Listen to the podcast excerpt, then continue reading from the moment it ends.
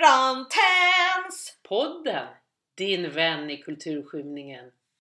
Hej och välkomna till Karantänspodden avsnitt 17. Med mig, Ami Hallberg Pauli. Och med mig Malin Appeltoft. Mm. Hur är läget Ami? Det är bra. Det är ju sol och fint väder. Det- Så det är ju bra. Ja. Och jag har köpt vita jeans. Ja, skitsnygga ju. Tack. Och du hade sandaler. Ja, alltså nu känner jag, nu har sommartiden börjat. Jag bara bestämde mig idag att nu lägger jag undan strumporna ett halvår. Eller i alla fall några månader. Nej men nu har jag sommarskor eller sommarsandaler på mig. Och det hände någonting med hela mig när jag trädde i fötterna i de här sommarsandalerna. Allt började gå lite långsammare. Vad skönt. Jag kunde liksom inte gå så där fort och bestämt som jag gör under vinterhalvåret. Nej. Och då tänkte jag att så här, det här är bra för mig. Går du fort i vanliga fall? Ja, det skulle jag nog säga att jag, Jag gör ju inte det. Och jag har ju sån tur att min man, han går också långsamt. Jaha. Så när vi går ut och går, vi går jättelångsamt. Men är det så att ni känner själva att ni går långsamt eller? Nej, det är en skön takt. Jag känner när jag går med folk som går fort att fan vad stressigt det var. Ja. Det är inget mysigt det här. Nej. Men det är olika. Det är inte sådär så att man är ute och går som de gör i 16 weeks of hell. Nej, verkligen inte när vi går. Har du sett Jag- hur de tar sina promenader? Nej, Nej men alltså de ser ut som att de håller på att skita på sig. De går ju jättefort. aha. Och så speciellt Öss, han går ju så jävla fort så det ser plågsamt ut. Ja, men ska, det är väl meningen då? Att det ska vara en träning. Ja. Du blev ju en litet komiker, eller inte bråk, men Johan Rheborg hade ju reagerat på 16 weeks of hell här. Mm, jag såg det. Han var jättekritisk till hela konceptet. Mm, Att det hetsar till svält. mm. Och tog upp det här med unga tjejer, och ofta det kan vara killar också, med självsvält ja. Det Mm. är en fruktansvärd sjukdom, Mm. anorexia. Mm. Så att det kan ju verkligen ligga något i det. Ja, för man... Alltså jag, jag har tittat på programmet. Jag tycker inte att det uppmuntrar till anorexia eller svält. Eller så gör det det. Jag vet inte. Jag har ju haft ätstörningar. Är man känslig och blir matad med att man får applåder när man blir smal så är ju det en lite farlig Mm. ingång och att hela samhället verkar tycka är man smal, är man lyckad. Mm. Då är det ju lätt där. Jag kan ju, jag har ju hållit på att gå på en dieter i vuxen ålder men då kan jag ju hålla det där men när jag var 17, 16, 17 då blev det lite tokigt. Då Mm. blev det för mycket. Mm. Men det skulle vara intressant kanske att höra med hans Tony som har dragit igång det, Mm. det här. Vad syftet är. För han säger ju hela tiden att de ska bli starka. Men det går ju väldigt mycket ut på att de ska deffa och bli av med kilon. Och jag vet inte, är de så himla mycket snyggare nu när de är så smala? Jag tyckte ingen var särskilt fet innan. Nej, det är de ju inte heller. Men de har ju omvandlat och det är väl kanske positivt. De har inte lika mycket kroppsfett, de har mera muskler och det är väl bra Mm. för ens värden överhuvudtaget. Och den fokusen är kanske bra, att man omvandlar sin kropp. Eh, Som Agneta Sjödin, hon hade inte gått ner nästan någonting. Mm, Eh, För det ville ju inte hon heller. mm. Men det är ju tangerar väldigt nära. Ja. Nej men Martina Haag hoppade ju till och med av. ja, hon fick ju inte vara med om inte hon vägde sig. Nej, och hon sa ju det. Jag vill inte hålla på och fokusera på vikten. Jag vill Nej. inte lära mig hur många kalorier en banan har. Nej. Det tycker jag ändå var rätt så sunt av Mm. henne. Och då förklarar han det med att äh, hon kanske ändå inte passar för det här. Mm. Men jag undrar lite så här då i komikerbranschen. Blir det här bråk nu mellan Özz och Måns Möller när Johan Rheborg går ut och kritiserar det här? Ja, det tänker man ju på. Det är ju en liten bransch och eh, jag tror inte just de tre, men en del är ju väldigt känsliga. Mm. Det blir bråk på Twitter och Ja, om skitsaker. ja, ja, om skitsaker. Men det, alla de har såna ohotade ställningar inom komikerbranschen. Så Ja, de behöver inte vara oroliga. Nej. Nej. Eh, man får väl tycka vad man vill. Jag vet inte heller vad jag tänkte just om någon hade frågat mig om jag skulle vara med i sånt här. Det kanske hade varit... Jag kanske inte hade tänkt så långt. Nej. Hade, om du skulle få frågan 16 weeks of hell eller Let's Dance, Doobie-Doo eller På spåret. Vilka hade du tackat ja till? Let's Dance, lätt! Hade du tackat ja till det? Jajamensan. Varför? Du då? För att det, det, det är ju min hemliga dröm. Jag, skulle, jag älskar att dansa. Mm. Jag tycker det skulle vara helt underbart. Jag skulle ha lite no- noja för fan då måste man visa sina ben. Men det får vi väl ordna på något vis då.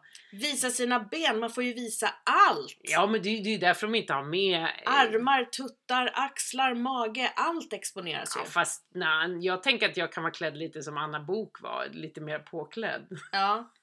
För de vill väl inte se hängiga gäddhäng på bästa sändningstid. ja, eller så vill de se det för att exponera en. Jag. Tycker inte ditt gäddhäng dallrar i takt med rumban. Ja, nej, det skulle vara det enda, det har jag ju tänkt på då. Men helst av allt skulle jag vara med i Skavlan. Ja. Och Mm. sitta och snacka med Fredrik. Vad vill du prata om då? Kvinnliga komiker. Mm. Själv då? Nej men jag är så dum. Jag skulle ju säkert tacka ja till allt. Och sen skulle jag ångra mig efteråt för att jag skulle vara illa förberedd och... Men Doobie-Doo, då måste man ju sjunga. Ja, du kan ju sjunga. Ja. Ja, för fan. Och, Och På spår. 16 weeks of hell, På spår skulle jag vara så dålig i. nej men bara. jag får ju för mig att jag är bra På spåret. Jaha, nej, jag kan inte många orter utanför eh, Stockholm. Nah, inte orter kanske. Men jag har ju gjort så här. Jag har ju tackat ja till några såna här grejer. En gång var jag med i Lingo. Kommer du ihåg det programmet? Ja, Det var ett program som gick, man skulle få in ord på fem bokstäver. det skulle jag vara Ja. asbra på. Ja, men det Jag vann ju jag. Jag och en kompis, vi vann det. Jaha. För vi satt hemma och bara garvade åt det här och pratade med varandra i telefonen. Så bara, fan vad folk är dåliga. Vi har en- Ja, just det, det där, det var jättelätt. Ja, det var, ja, nej Ja. inte jättelätt var det inte. Nej, förlåt, men jag är lite autistisk. Ja. Jag kan ju räkna bokstäver i ord. Ja, men, men det, så är jag också. Det är lite kontrollbehov Ja, tror jag också. ja. Men vi vann ju det där. Ah. Och var skitgrymma. Men sen några, för några år sedan så anmälde jag mig till Jeopardy. Ja. Som Pontus Gårdinger ledde. Och jag var helt disträ och långsam i huvudet. Alltså så här småbarnsmamma som... Jag kunde inte svara på lätta frågor. Jag kunde inte ens trycka på knappen Nej, jag rätt. tror jag ska vara dålig på det också. Nej, så att jag gjorde mig inte alls bra där Nej. alltså. Nej. Men någon sån där skulle jag göra. Men då måste jag ju testa dig. Kan du se hur många bokstäver det är? Om jag säger filmjölk, hur många bokstäver är det? Åtta. Ja, bra! Testa Ja. mig. Kan du säga hur många bokstäver det är i stand-up-klubb? Är 12. Ja. Ja. Ja men vi kanske ska anmäla oss till något sånt där. ja. Bara Men du- ring, vi Du kommer! bara ser det framför dig. Malin Appeltoft. Ja, i Appeltoft är det ju 10 och så Malin är det 5, 15. Mm. Du ser, du Ja. ser dem, du delar upp dem sådär. Jag delar upp dem i par. Ja, Jaha, Ja. i par? Ja, Ja. Jag ser, Malin ser jag ju, fem. Det, det kan ju Ja. alla se. Ja, Och så, så Appel och Toft. Ja. Ja, Jag ser mer Malin som två och en halv och så Appeltoft är fem par. Jaha, vad Konstigt intressant. va? Ja. Vad heter den diagnosen? Jag vet inte. Det är jättekul för att man bara ser det. Det blir svårt Ja. om det är så korrigeringsministeriet. Då blir det inte jättetydliga. Okej, nu kommer en spontan. Cykelkorg. Nio. Ja. Mm. Nej men det ser, fan vi skulle vara bra på det här. Ja, Vad heter skulle- det programmet? Jag vet inte. Men alltså, Nördar som kan saker, Ja. räkna bokstäver i ord. men om någon skulle fråga mig, vill du vara med i Let's Dance? Mm. Min inre röst säger, gör inte. Mm. Säg nej, jag är komiker, jag ska inte behöva dansa offentligt och förnedra mig. Men sen blir jag bara, fan vad roligt. Det är klart jag vill. Jag älskar ju att dansa. Och... Jag skulle älska, om jag skulle rangordna dem där, då är det ju Let's Dance först. Sen skulle jag faktiskt vara med i 16 Weeks of Hell för att jag är så jävla envis. Eh, Ja, Och sen de andra tror jag för att jag känner att jag skulle vara så dålig. Ja, du skulle säga nej då. Det är ju ingen som kommer fråga om jag ska vara med i Doobidoo i alla fall. Men, men jag tycker också, de man frågar, det ska ju vara underhållningsvärde. Måste man Mm. vara så jävla bra? Man här- sjunga måste man väl kunna om man ska vara med i Doobidoo. Ja, jo, det, det tycker jag. Däremot kan man vara med i Babbens, den här Bäst i test, det är ju inget. Nej, kan väl vem som helst vara med. där ska man bara bjuda på sig själv. Ja. Nej, men jag tycker att det är underhållningsvärdet. Jag tyckte det var väldigt kul när Lasse Brandeby var med i Let's Dance utan att kunna dansa. ja, i och för sig. Fast där har jag min teori, för tjejerna ryker ju alltid i alla tävlingsprogram när publiken ska rösta. Mm. Och en dålig tant, de gånger de har provat med det, jag tror Malou var med från Sivers, de ryker ju i första programmet. Mm. Vilket tråkigt fack att hamna i. En dålig tant. En då, den dåliga tanten som ryker av avsnitt två. Ja, För att första avsnittet ryker ingen. nej. Men det är ju kvinnoförnedring i vårt Ja. samhälle. Det är helt okej att vara en dålig man. Ja, Lasse, det är jätteroligt. Lasse Brandeby dansade ju inte ens, han satt på en stol och hans partner rusade runt Mm. och kråmade sig runt omkring honom. Tänk om en dålig tant skulle göra det. Mm. Det skulle bli ramaskri. Ja, ja, jag vet. Och då, folk röstar ju på honom. Han ville ju åka ut. Ja. Fan, det orsakade ju kanske hans död. Kommer ihåg? Han dog ju ganska sen. Han bara, jag orkar inte längre. Jag vill inte vara med. Nej men gud, det kan inte hänga ihop med det. Jo, men det, det var inte så långt efter det. Nej men han ville ju inte vara med för att han hade andra uppdrag. Ja, han ville inte verkligen. Och då var det ändå folk som röstar kvar honom för De tycker det är roligt. En dålig gubbe är kul, en dålig tant. Det kommer kanske aldrig bli inne. Nej, vad tråkigt Ja. eftersom jag är en dålig tant.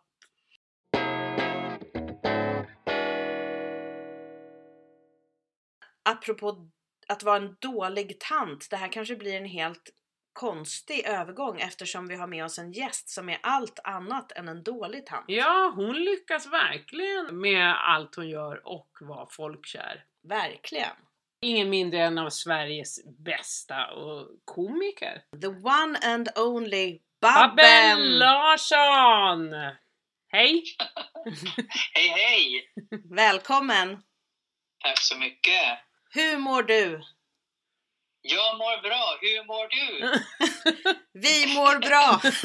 vi har blivit helt som robotar i corona. Ja, precis. Krisen. Ja, Det, jo, men det är väl en relevant fråga. Det är ju många som blir sjuka så att eh, det, är- det är bra att man kollar att eh, folk är på benen. Absolut. ja. Ja. Jag säger som de flesta jag känner, jag mår bra men det är tråkigt.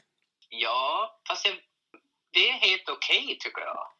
Tycker du det? Du, du känner inte Ja. att det är tråkigt? Nej, jag tycker inte det är jättetråkigt faktiskt. Alltså det, det är massa saker som är tråkiga generellt i samhället sådär, men för min egen del så um, var det här, det här blev en ganska bra period känner jag. Mm. Gud vad bra! På vad sätt då? då? Vad gör du? Ja, det är så har jag börjat fundera väldigt mycket på vad arbetet betyder för mig, om det ska betyda det det gör och eh, om jag ska jobba på något annat sätt. Har jag funderat på. Jag har också börjat samla ihop allting jag har producerat under alla år för att skapa ett arkiv av det. Mm. Och det tycker jag har varit väldigt meningsfullt. Det är hemskt mycket material och jag har precis avslutat bilddelen av det hela som jag har digitalt och ska nu gå på texterna då. Och eh, jag hade ganska bra koll fram till 98 när jag gick in i väggen. Sen är det lite mer kaos. Jag har kvar lista på vad jag har spelat och så men jag har inte längre samma koll på texterna och alla, alltså alla skämt och sånt där då.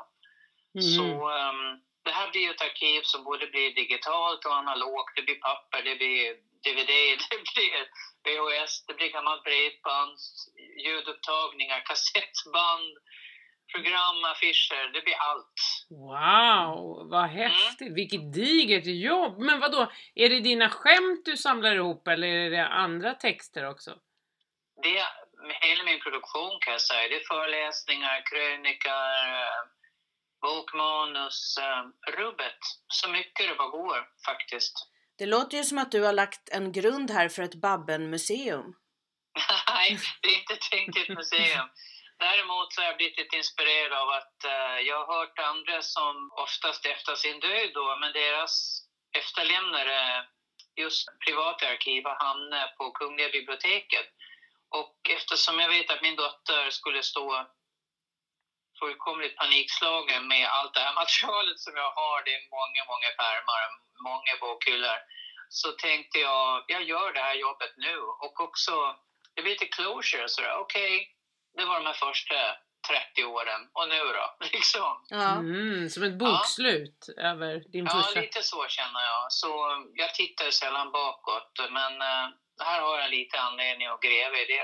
Ja, så det här ska så småningom bli ett antal flyttlådor som ska vidare till Kungliga biblioteket. Om någon gång vi forskar i hur det var att vara kvinnlig komiker runt millennieskiftet. ja, men gud vad spännande.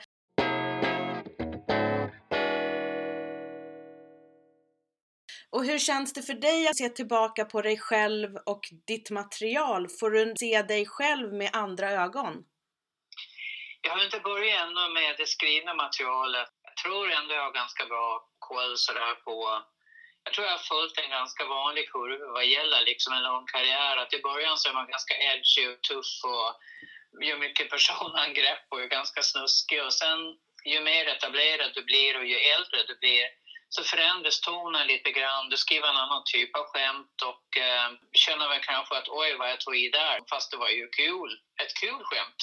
Mm. Men eh, det blir ju mer och mer att jag måste fundera på om jag ska hoppa på en annan person, att, att det inte blir att jag sparkar neråt. Det, och nu har jag dessutom fått en ny publik med alla barn som tittar på Bäst i test. Så det måste jag också Ja. förhålla mig till faktiskt. Jag har ju aldrig haft barn i publiken förut. Nej. Nej.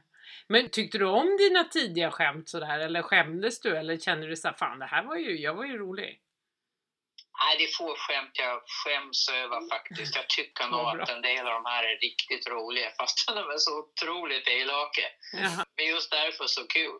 Det är, jag har ju slått hårt och ganska exakt många gånger. Där det gör som mest ont. Och det, är- det är ett vapen jag måste hantera.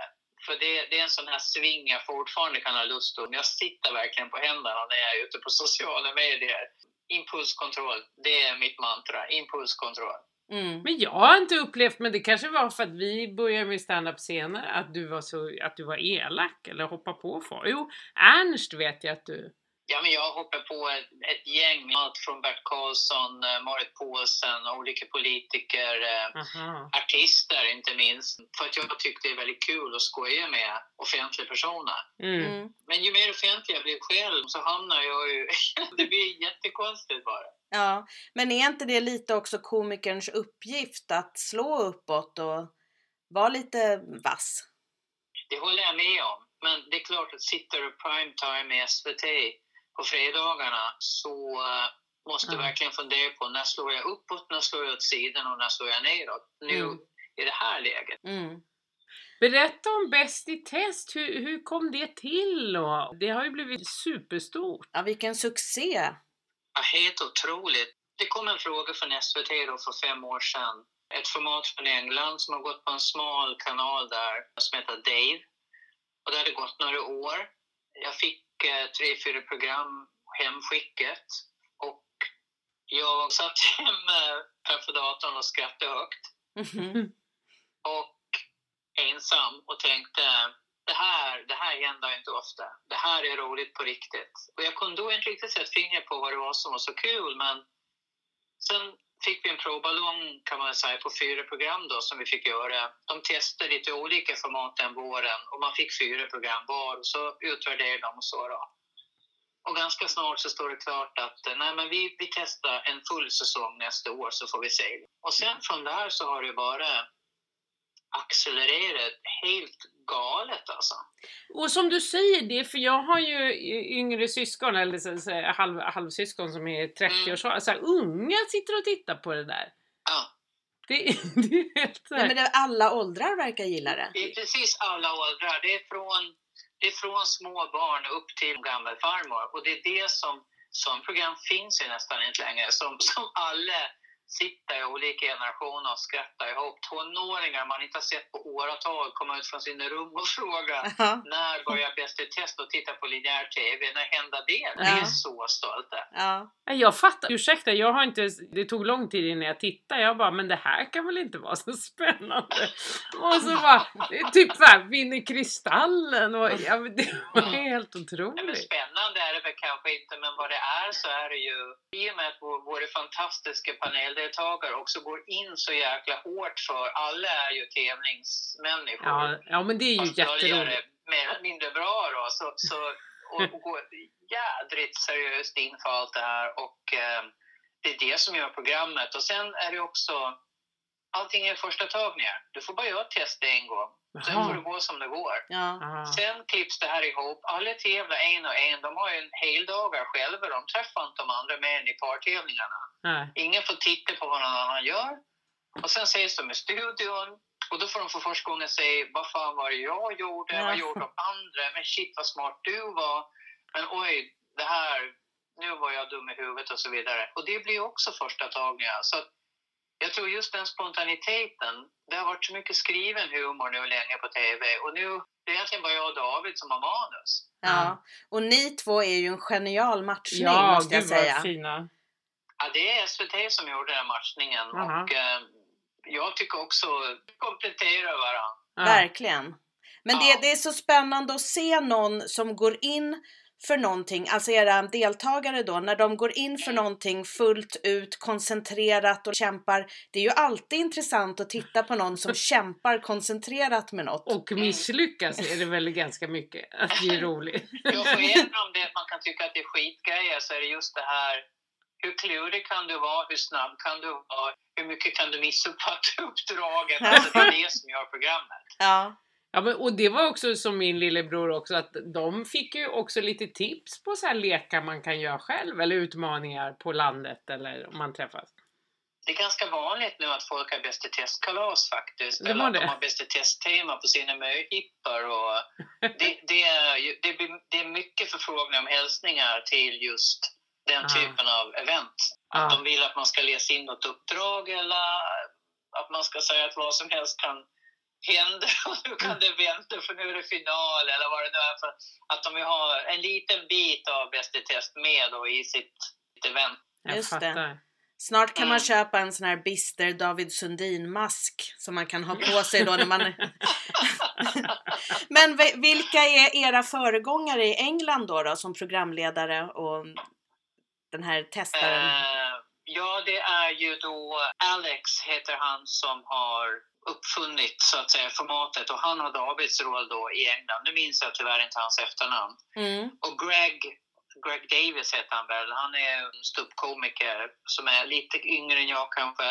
Lite så här raggig, lite skäggig, ganska fräck i mun och så. Och eh, brukar vara med i panelprogram på TV sådär. Om man tittar på BBC till exempel. Han har min roll och de, de har inte skrivbord men de sitter, Greg sitter i en ganska stor, lite guldig och sammetstron sådär. Och Alex sitter på en lite enklare stol Mm. bredvid. Men det är inte så stor skillnad kanske som det är mellan oss med de här stora och små skrivborden och lamporna. Och, Det är ju jätteroligt. Det är ju jätteroligt att han har så lite skriv, skrivbord men bredvid. du, han kan inte sitta med benen rakt Nej, jag skrivbordet. Han offrar sig verkligen. Ja. Ja. Att det ska se kul ut. Ja. Ja, det har de verkligen, eller ni, ni har verkligen lyckats med det. Det Mm. ser verkligen kul ut. Ja, vi har verkligen jobbat ihop oss nu också. Vi kände ju inte varandra innan, men det är nu verkligen så där uh, känner jag att vi har hittat hur vi ska göra det här och ändå kanske knuffar en nå- åt något litet håll varje år. Nej, det är jättekul. Jag, jag kunde inte vara gladare över att det här programmet hamnar just i mitt knä, det kan jag säga. Nej, och det är väl eh, fantastiskt ändå. Ja. No offense, du är ju lite äldre och, Absolut. kvinna. Och det vet man inte hur länge jag får sitta i rutan. Nej, Det, det där, det Nej. är för folk som är yngre än jag som har åkt på åldersstrecket. Ja men eh, mycket! Och kvinna och bästa primetime. Ja, det är ju jätteroligt. Ja, det är skitkul. Mm. Och Mm. eh, jag har lett andra program, men det, det, det här brinner jag verkligen för. För jag tycker att det är, det är så himla bra. Det, Mm. är- och, och deltagarna gör det så... De lyfter det ännu ett snäpp. Kul!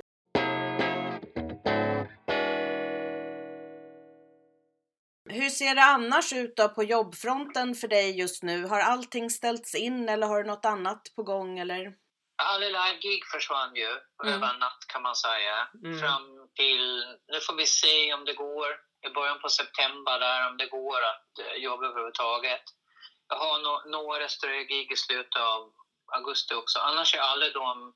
Men jag hade julkalendern, som tur var, en 10-12 dagar, så det gjorde jag fram till påsk kan man säga. Ja. Och, eh, sen har jag hållit på med mitt arkiv och jag har även fått en ganska stor, ett ganska stort skrivjobb som jag sitter med.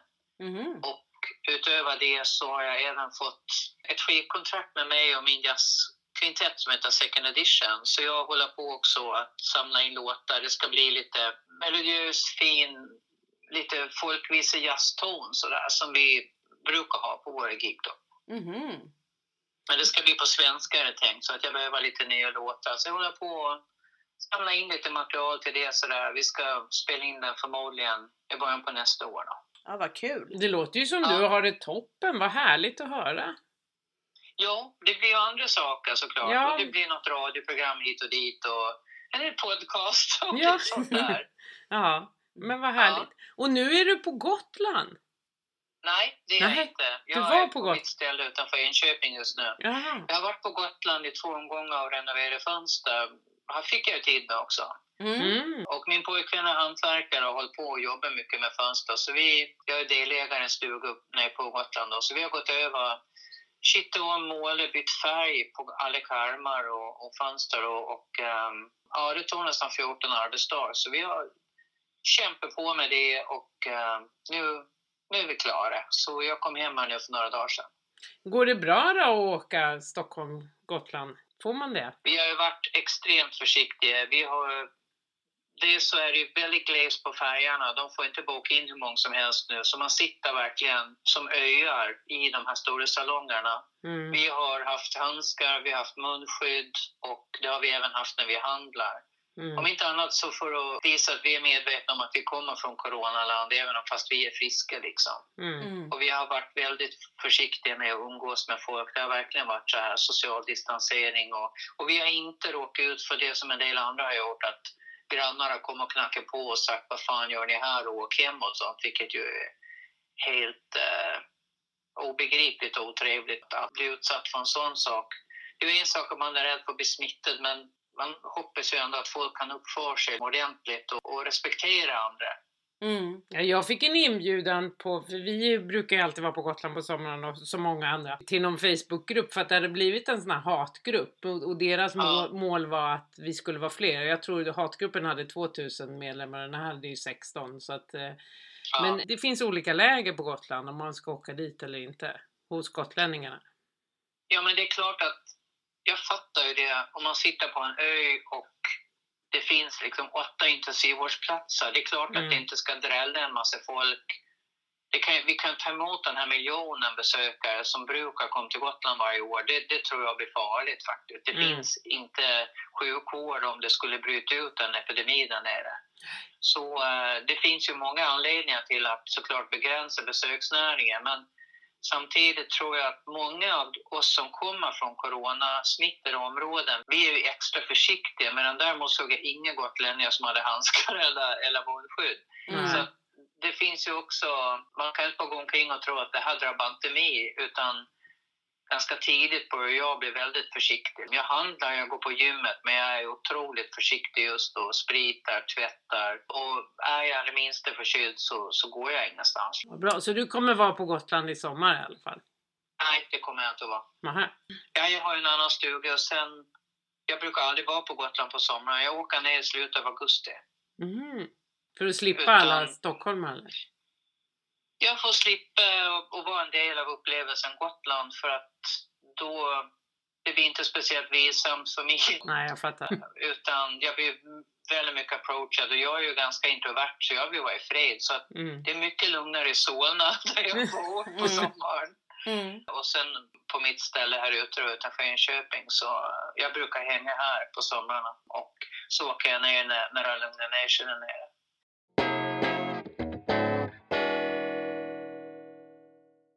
Men det är intressant med dig, för det, jag har uppfattat det så också att du, du är ju väldigt extrovert och, och står på scen och, och Mm. sjunger och spelar teater och allt möjligt. Men att du har ett behov av det här introverta också. Ja, ett väldigt starkt behov. Jag laddar ju upp mig när jag är själv. Jag laddar inte upp mig så här genom att gå ut på krogen med folk eller hänga i, i... Då ska jag vara med väldigt nära vänner och där man fyller på varandra med energi. Men annars blir jag så här social mingel och sånt. Jag blir totalt dränerad alltså. Det går på några timmar. Mm.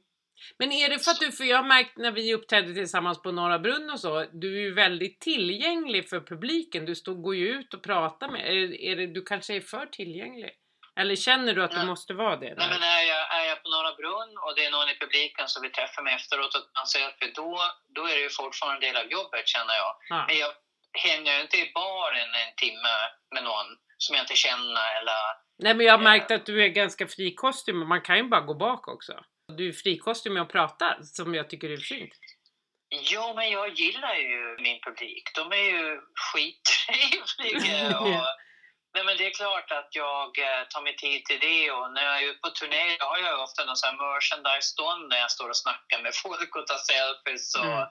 och säljer ja, böcker och reflexer och vad jag nu har för någonting. Så jag, jag gillar ju samtidigt att träffa publiken, men sen när jag har packat ihop grejerna Sen vill jag inte träffa en enda människa. Mhm. Då åker jag hem på hotellet och läser en bok eller läser kapp tidningarna eller tittar på TV. Jag vill inte prata med någon.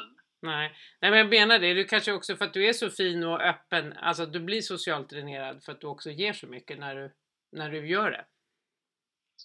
Ja, jag vet inte. Jag tycker samtidigt det hör till eh, att vara tillgänglig. Om någon, herregud, jag menar, Ja, jo. det kommer en dag när ingen liksom bryr sig. Nej. Så att det är klart att eh, en del har ju rest till Norra Brunn från halva Sverige bara för att få se mig uppträda. Det är klart jag går ut och hälsar på dem och tar en selfie. Det är, jag vet inte. Mm. Det tillhör ju nästan vanligt hyfs Ja. faktiskt. Ja. Och respekt för deras ansträngningar tycker jag också. Mm. Ja. Men du, det låter ju som att du inte har den här tråkiga coronatillvaron som många andra komiker har som har blivit av med sina gig. För du verkar ha mycket uppdrag och så. Men jag tänkte, sitter du och kommer på roliga skämt som har med corona och pandemin att göra? Eller hur gör du med det? Nej, jag har inte kommit på speciellt någonting runt coronan måste jag erkänna. Jag känner också att när jag väl kommer ut och börjar skämta igen då kommer det här inte att vara aktuellt att skämta om som vi upplever just nu. Däremot tror jag, alltså sjukdomen tycker jag inte är speciellt kul när det är så många som dör. Mm. Däremot kan man ju skämta om hur folk tar restriktionerna och hur de försöker, de smiter runt och också hur vi hanterar, hur 70-plussarna tar att de plötsligt är stämplade som gamla och så här blir oerhört oförrättade. Sånt tycker jag är ganska kul Mm. Mm. att kunna skämta om. Det kommer nog kunna stå sig även när vi kommer igång till hösten och sådär. Mm. Men sen hade jag, då när precis allting försvann och innan det kom in någonting annat, då hade jag ett par veckor då jag totalt tappade motivationen, lusten, energin. Så jag satt två veckor drygt och bara la pussel hemma. Ja, det, liksom var en som var roligt. Svåra, stora pussel med många bitar och satt 8-10 timmar om dagen och bara pusslade. Oj. Men- det, då var det en jag tyckte var kul. Så gick jag ut gick en promenad eller gick ner på gymmet. Men det var allt jag gjorde. Hade noll arbetslust. Kontoret, betala grejer, du vet. Alltså, nej, jag bara, jag bara sket i allting. Bara höll efter absolut mest akuta. För jag, jag tappade... Och det här tror jag många av oss som är i bekräftelsebranschen råkade ut för att Jaha, nu får jag ingen bekräftelse liksom. Vad gör jag nu? Det är Mm. verkligen sådär. Ja, det är ju skitjobbigt. Hade Men inte- måste du ha känt av Ami? Ja, jättemycket. Jag har ett jättestort bekräftelsebehov märkte jag. Ja. Jag mådde fruktansvärt dåligt med, just i början och eh, minsta lilla folksamling så försökte man ju, alltså jag höll en kurs och då bara, ah, nu tankar jag lite och sånt här. Men eh, Ja. man vänjer sig lite grann efter ett tag. Mm. Mm. Men Babben, visst hade du precis börjat marknadsföra din nya show? Ja, det stämmer. Vi hade precis släppt biljetterna och det hade börjat sälja på. Och eh, sen kommer det här förbudet då. Jag hade ju mitt sista live-gig på Mac i Malmö den 12 mars tror jag det var. Då kom hälften av de som hade köpt biljetterna och ingen kom på dörren. Mhm. Och då eh, hade ju redan jag och mitt management och som anordnare här ihop att vi hade redan börjat röra åt oss och insett att det här, all försäljning tvärstannade och alla som hade showar nu flyttar de till hösten och då förstår man ju att då, då är ju nöjesdelen liksom fullproppad till hösten redan med sålda biljetter. Så vi bara avbröt alltihop och eh, bokade om hela turnén. Det var lite förändringar, det gick inte att få ihop en exakt likadan turné men vi plockade ihop en i alla fall till nästa höst istället. Så den kommer gå nästa höst. Mhm, Vad bra, vad smart. Det var en show som hann bli helt full och det var den i Visby. Så får man samlas till hösten. Då kommer jag göra en special evening show med mitt gamla band som jag hade för 40 år sedan, Tre med Pentry. Vi har Mm. redan repat några gånger, det är faktiskt skitkul. Mm. Så vi kör våra originallåtar som, som jag skrev till det bandet och kanske några från Gutekällan på 80-talet och kanske att stand-upen också blir lite retro. Att jag kör faktiskt de här gamla godingarna, Telefon 6 och de här ifrån Ja. 90-talet för en gångs skull. Ja, Ja, nu, har du nu har du ju koll, nu har du ju kollat upp dem också. Då. Ja, men de har jag koll på redan. Ja, de där de- gamla godingarna, de, ligger, de, de, de är arkiverade bakom året de skrevs och sådär. Där har jag koll. Men Ja. det är från 2005 när jag började med stand-up igen efter utbrändheten. Det är Ah. där som jag måste rekonstruera de 15 åren. då. Ja men Ja. vad spännande. Vi får hålla tummarna här då för att i alla fall några evenemang kan äga rum i höst. Ja, jag hoppas det. Vi får väl se. Jag menar, är det stor smittrisk så, så är det ju okej att det ställs in. Man fattar ju Mm. varför. ja, så är det ju. Men jag måste bara fråga också. Du sa att din pojkvän är hantverkare. Ja. Skriver du några skämt om hantverkare nu då som är så populärt att dra på ståuppscener? är det?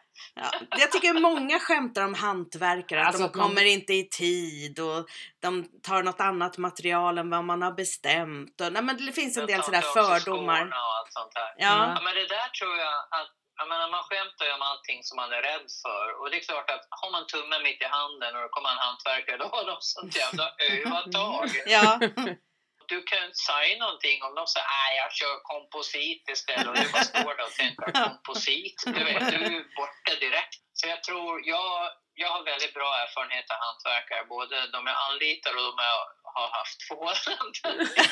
Jag, Är det flera hantverkare du har haft jag var förhållanden? gift med en hantverkare i 17 år. aha. det är det du går igång på? Mm. Så Mm. hantverkare är shit Ja. för Blåställ. min del. Ja. Ja, de står på marken och de är liksom, ja. ja. Bra när man Bra- behöver shitta om alla fönster. Ja. Ja.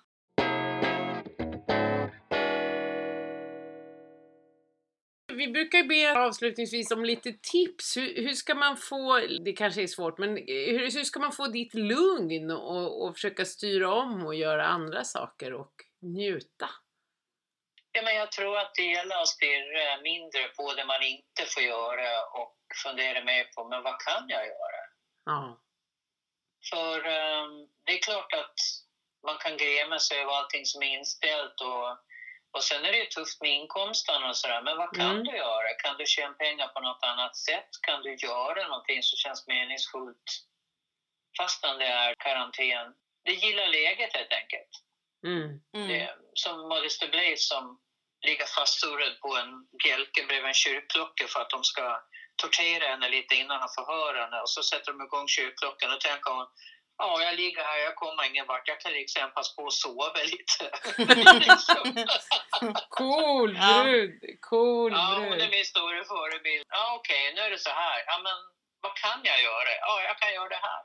Nej, det är bra. Man behöver inte oroa sig och stressa upp sig för sånt man inte kan rå på. Nej, det är precis så det är. Det gäller att skaffa sig lite sinnesro här tror jag och inse att det här är helt utanför min kontroll. Mm. Men finns det någonting jag kan göra som gör att jag kan få en inkomst eller må bättre? Det är ju mer konstruktivt. Så samtidigt så är det klart att det är kärvt, det fattar jag med. Det är ju lätt för mig att säga som har tjänat ihop mina pengar och kan klara en sån här epidemi. Men samtidigt så, just det här att, eh, att bara fokusera på det som inte går, det är inget konstruktivt. Nej, absolut. Men ibland har jag också tänkt, det är klart att man kan göra det i en period. Det var ju någon psykolog som sa också, man kan ju leva alldeles själv och göra allting själv. Men efter en längre period så mår vi ju väldigt dåligt. Vi dör inte, men vi mår ju väldigt Nej. dåligt. Det är ju som att allting man gör, jag kan tänka man, man klär upp sig eller man, allt man gör gör man ju för andra människor. Ja, men det är flera som har tipsat om det, att just att man ska gå upp och duscha varje morgon, borsta tänderna och klä på sig kläder utan stretch. Det var någon som var jävligt bra Ja. tips faktiskt. Utan Kläder utan gummiband, det är det som gäller nu. Nu är det Man får skärpa till och stärkta blusar så att man rycker upp sig lite. Sen har jag faktiskt ett bra tips och det är ring en vän från nu eller förr per dag. Ja, det är bra. Mm. Det är bra. Ja, Mm. all de här som du vet att fan jag har inte hört av mig på länge, vad gjort? Mm. Mm. Får aldrig sitta hemma nu och uppskatta telefonsamtal. Så att, uh, ryck tag i din eh, telefonbok. Mm. Det var bra. Ja, Mm. det låter toppen. Ja, och då kan man ju välja om man vill facetima och synas eller om man sitter där i stretchbrallor. Ja. Ja, stretchbrallor har lagt på make, precis. Ja. Man har korsetten hårt uppdragen upp till men ner till ser de inte. Hänger det löst. Mm. Ja, just det. Sån här TV-look. Ja. ja. Vilka fina tips, vad härligt! Men då får vi tacka så mycket tycker jag. Ja, tack för att du var med. ja, men tack själv. Det, det var kul. Ja. Det är kul att prata med folk. Det här är dagens telefonsamtal helt enkelt. Ja, det kan nog bli så faktiskt. Mm. Ja. Lycka till med allt och ha en jättehärlig sommar. Ses. Detsamma. Ha det jättebra. Ha det jättebra, hoppas vi ses snart. Ja, det hoppas jag Ja. också. På Norra Brunn. Ja, ja, Ja. det måste vi. Ha det Det fint måste- Babben. Detsamma. Hej, Hej hej! då! Hej!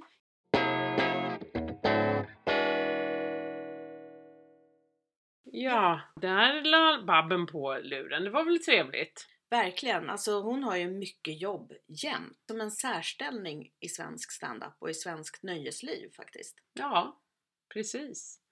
Och eh, har alltid varit på något sätt. Så, Ja. så länge man har eh, känt henne. Men nu också att hon har fler strängar på sin lyra. Skriver och sjunger och eh, spelar teater. Mm. kan vara med. Hon är, hon är ju ett koncept. Mm. Hon är Babben. Hon är inte bara en komiker. Utan... Men det känns som att hon har hållit så hög standard i allt hon har gjort under väldigt lång tid. mm. Och som spelat sina kort väl. Ja, En legend i En svenskt legend. nöjesliv. ja, det är coolt. Ja, Vi tänkte ju faktiskt eh, tacka alla er som har lyssnat på oss och säga att vi nu tar en liten paus. Vi tar sommarlov. mm. det här får avsluta våren. Ja, så får vi ju se vad som händer i höst. Mm. Om vi behöver en karantänspodd eller om den kan heta någonting annat. Mm. Men Karantänen kanske är slut då. Det kanske den är. Mm. Tack för att ni har lyssnat. Ha en jättehärlig sommar och tvätta händerna. Och lilla, lilla, lilla röven. Hej då! då! Karantäns! Podden, din vän i kulturskymningen.